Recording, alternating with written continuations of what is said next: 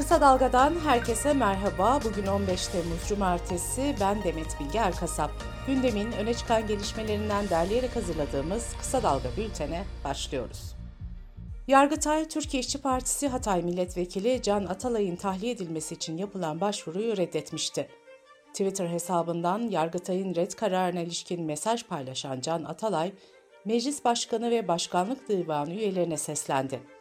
Atalay, Madem şimdilik ben oraya gelemiyorum, o zaman yemin etmek için heyetinizi buraya davet ediyorum dedi. Can Atalay mesajında şu ifadeleri kullandı. Geziden suç çıkaramazsınız. Artık bugüne kadar susanlar, yarım ağız konuşanlar, konuşuyormuş gibi yapanlar konuşmalı. İstanbul Büyükşehir Belediye Başkanı Ekrem İmamoğlu hakkında Tuzla Belediye Başkanı Sadi Yazıcı'ya hakaret ettiği iddiasıyla kamu görevlisine alenen hakaret suçundan dava açıldı. İddianamede İmamoğlu'nun 2 yıl 4 aya kadar hapisle cezalandırılması istendi ve siyasi yasak talep edildi. Milli Eğitim Bakanı Yusuf Tekin'in kız okulları açabiliriz sözleri tartışılırken Büyük Birlik Partisi Genel Başkanı Mustafa Destici de tepki çeken yeni önerilerde bulundu. Destici, kadın üniversiteleri ve kadın hastanelerinde açılabileceğini söyledi. Bu arada Hüdapar Milletvekili Şahzade Demir de Bakan Tekin'e destek verdi. Demir, kimse çocuklarını karma eğitim veren kurumlara göndermeye zorlanmasın, dedi. Gazeteci Merdan Yanardağ hakkında Abdullah Öcalan'la ilgili sözleri nedeniyle terör örgütü propagandası yapmak, suçlu ve suçluyu övmek suçlarından 10,5 yıla kadar hapis sistemiyle hazırlanan iddianame kabul edildi. Merdan Yanardağ'ın tutukluluk halinin devamına karar verilirken ilk duruşma içinde 4 Ekim tarihi belirlendi.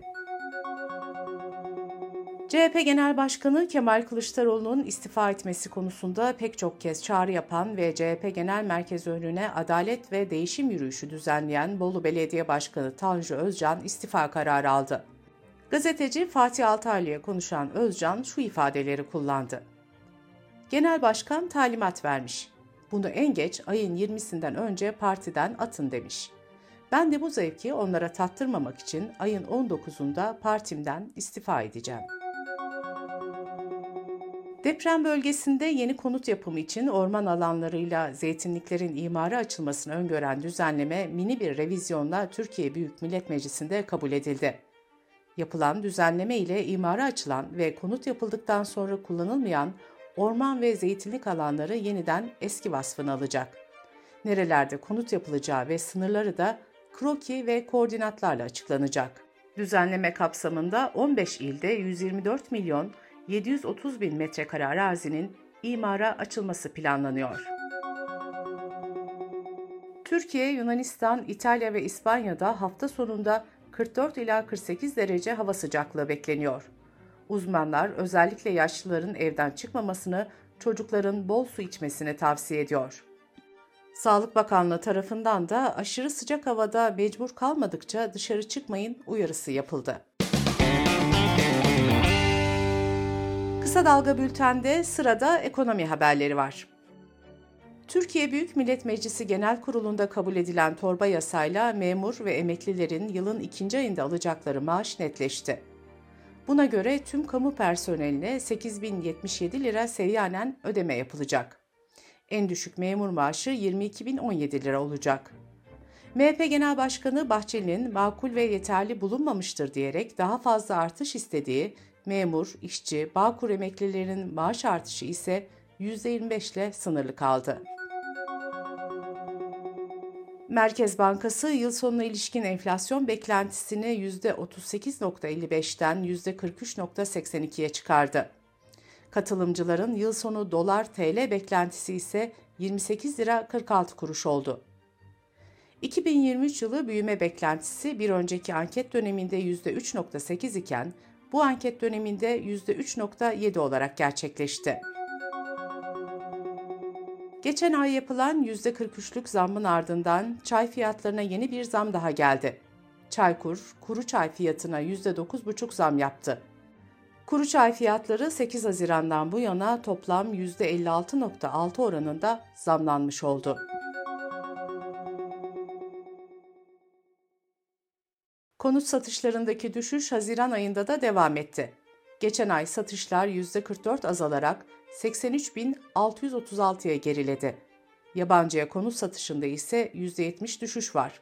TÜİK'in verilerine göre Haziran ayında Rusya vatandaşları Türkiye'den 733 konut satın aldı. Rusya'yı 333 konutla İran, 175 konutla Irak ve 168 konutla Ukrayna vatandaşları izledi. Türkiye genelinde hava sıcaklıklarının yükselmesine paralel olarak artan klima kullanımı ve tarımsal sulamalar elektrik tüketimini zirveye çıkardı. Elektrik tüketiminde yeni bir rekor kırıldı. Önceki gün tüketim 1 milyon 58 bin 962 megawatt saate çıktı. Böylece 12 Temmuz'daki rekorda aşılmış oldu. Türkiye İstatistik Kurumu Mayıs ayına ilişkin ücretli çalışan verilerini açıkladı. Buna göre sanayi, inşaat ve ticaret hizmet sektörleri toplamında ücretli çalışan sayısı bir önceki yılın aynı ayına göre %4 arttı. Merkez Bankası Başkanı Hafize Gaye Erkan, Merkez Bankası İletişim ve Dış İlişkiler Genel Müdürü Basın Danışmanı Gizem Uzuner'i görevden aldıktan sonra yeni bir atama yaptı. 10 Haber'de yer alan bilgilere göre Erkan'a Dünya Gazetesi Haber Koordinatörü Kerim Ülker danışmanlık yapacak. Dış politika ve dünyadan gelişmelerle bültenimize devam ediyoruz. İsveç'in NATO üyeliği ile ilgili süreç Türkiye'de artık meclis takvimi içinde devam edecek. Cumhurbaşkanı Erdoğan iki aylık meclis tatili hatırlatarak Ekim ayına işaret etmişti. NATO'da İsveç'in üyeliğine henüz onay vermeyen bir diğer ülke ise Macaristan. Macaristan bu konuda Türkiye ile birlikte hareket edeceğini duyurmuştu. Türkiye'de meclisteki oylama Ekim'e kalınca Macaristan'da İsveç protokolünü sonbahara erteleme sinyali verdi. Türkiye'nin İsveç'in NATO üyeliğine yönelik itirazını çekmesi sonrasında İsveç yargısından yeniden kriz yaratabilecek bir karar çıktı. İsveç Yüksek Mahkemesi, Türkiye'nin FETÖ üyesi oldukları gerekçesiyle talep ettiği iki kişinin iadesinin yasal olmadığına hükmetti. İsveç'te iade talepleriyle ilgili karar verme yetkisi hükümete ait. Yüksek Mahkeme son kararıyla iki Türk vatandaşının iadesinin yasal olmadığına hükmetmiş oldu. NATO zirvesinin ardından Finlandiya'ya giden ABD Başkanı Joe Biden, Rusya'da tutuklu Wall Street Journal muhabirinin serbest kalması için tutuklu takası konusunda ciddi olduğunu söyledi. Ukrayna'daki savaşın yıllarca sürmeyeceğini savunan Biden, Rusya yönetimine karşı silahlı isyan başlatan Wagner'in kurucusu Prigojin'e de bir tavsiyede bulundu. Biden, onun nerede olduğunu sadece Tanrı biliyor. Onun yerinde olsaydım ne yediğime dikkat eder, gözümü menüden ayırmazdım, dedi. Rusya Devlet Başkanı Putin'den NATO zirvesiyle ilgili açıklama geldi. Ukrayna'nın NATO üyesi olmasının Rusya için tehdit oluşturacağını belirten Putin, askeri harekatın nedenlerinden birinin de NATO'ya üyelik ihtimali olduğunu söyledi. Putin, yeni silah sevkiyatlarının da sadece çatışmayı daha fazla körüklemeye yardımcı olduğunu savundu. Anadolu Ajansı'nın haberine göre Putin, tahıl koridoru anlaşması konusunda da değerlendirme yaptı. Birleşmiş Milletler'in Rusya'nın çıkarlarını dikkate almadığını savunan Putin, bu tamamen tek taraflı bir oyun. Ama yetti artık, dedi.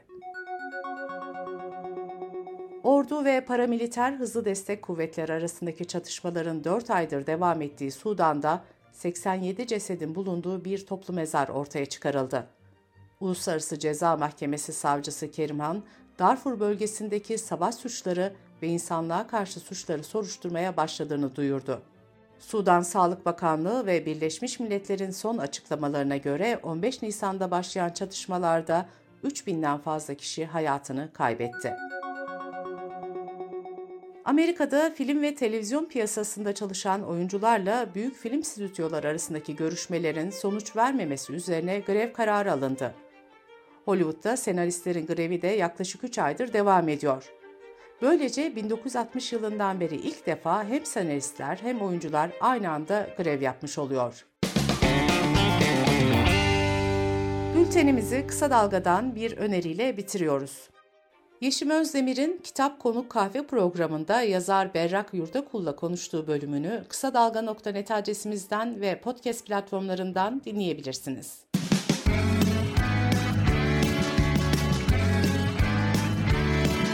Kulağınız bizde olsun. Kısa Dalga Podcast.